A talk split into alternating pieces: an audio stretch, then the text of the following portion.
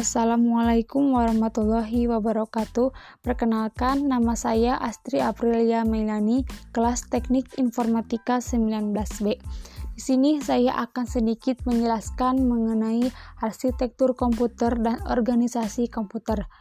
E, sebelumnya saya akan menjelaskan apa itu arsitektur, organisasi, dan komputer. Arsitektur adalah seni dan ilmu merancang serta membuat konstruksi bangunan, jembatan, dan sebagainya. Atau juga bisa diartikan sebagai metode dan gaya rancangan suatu konstruksi bangunan.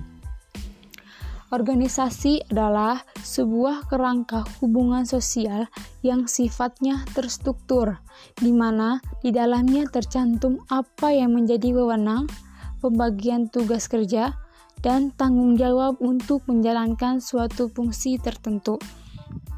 Komputer itu sendiri adalah mesin penghitung elektronik yang cepat, dapat menerima informasi input digital, memprosesnya sesuai dengan sesuatu program yang tersimpan di memorinya atau storage program dan menghasilkan output informasi. Sekarang saya akan menjelaskan apa itu arsitektur komputer. Arsitektur komputer adalah konsep perencanaan struktur pengoperasian dasar pada suatu sistem komputer, atau bisa didefinisikan dan dikategorikan bahwa arsitektur komputer ini merupakan ilmu yang sekaligus seni mengenai interkoneksi komponen perangkat keras, di mana tujuannya adalah untuk menciptakan komputer yang memenuhi kebutuhan fungsional kinerja. E, di sini juga arsitektur dapat diimplementasikan seperti perencanaan masing-masing bagian yang akan difungsikan. Contohnya, bagaimana CPU bekerja dan cara mengakseskan data ke alamat memori dan sebagainya. Dan untuk organisasi komputer itu merupakan cabang ilmu yang mempelajari bagian-bagian yang terkait dengan urusan operasional komputer dan hubungan antara komponen di dalam sebuah sistem komputer. Atau dalam singkatnya gini deh, arsitektur itu konsep perencanaan dan struktur pengoperasian dari sistem komputer. Sedangkan organisasinya yaitu unit operasional antara komponen penyusun sistem komputer dalam merealisasikan aspek arsitekturalnya. Nah, apa aja sih contohnya? E, arsitektur itu contohnya set instruksi, aritmetika yang digunakan, teknik pengalamatan, dan mekanisme IO atau input output. Lantas, apa sih contohnya organisasi komputer? Nah, contohnya adalah teknik hardware, perangkat antarmuka, teknologi memori, dan sinyal kontrol.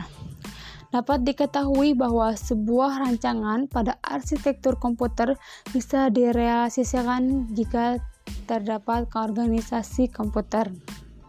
Apa sih perbedaan organisasi dan arsitektur komputer? Bahwa organisasi itu bagaimana suatu perangkat diimplementasikan, misalnya kayak sinyal, uh, sinyal kontrol, interface, dan memori. Contoh lainnya adalah penambahan hardware baru atau penambahan hardware secara berulang. Sedangkan arsitektur yaitu atribut yang berhubungan dengan programmer, misalnya bit, jumlah bit yang digunakan presentasi, dan lain-lain. Nah, lalu apa sih perbedaan lainnya? Nah, bahwa arsitektur itu pada dasarnya sama, namun hanya organisasinya saja yang berbeda. Nah, karena arsitektur ini perubahannya bertahan lama, sedangkan organisasi perkembangannya hanya menyesuaikan perkembangan teknologi yang pesat. Namun, eh, tahun sekarang dan tahun beberapa ke depannya lagi, organisasinya bisa berubah pada suatu keluarga komputer. Misalkan, keluarga Intel x86 berarti 32 bit mempunyai arsitektur dasar yang sama.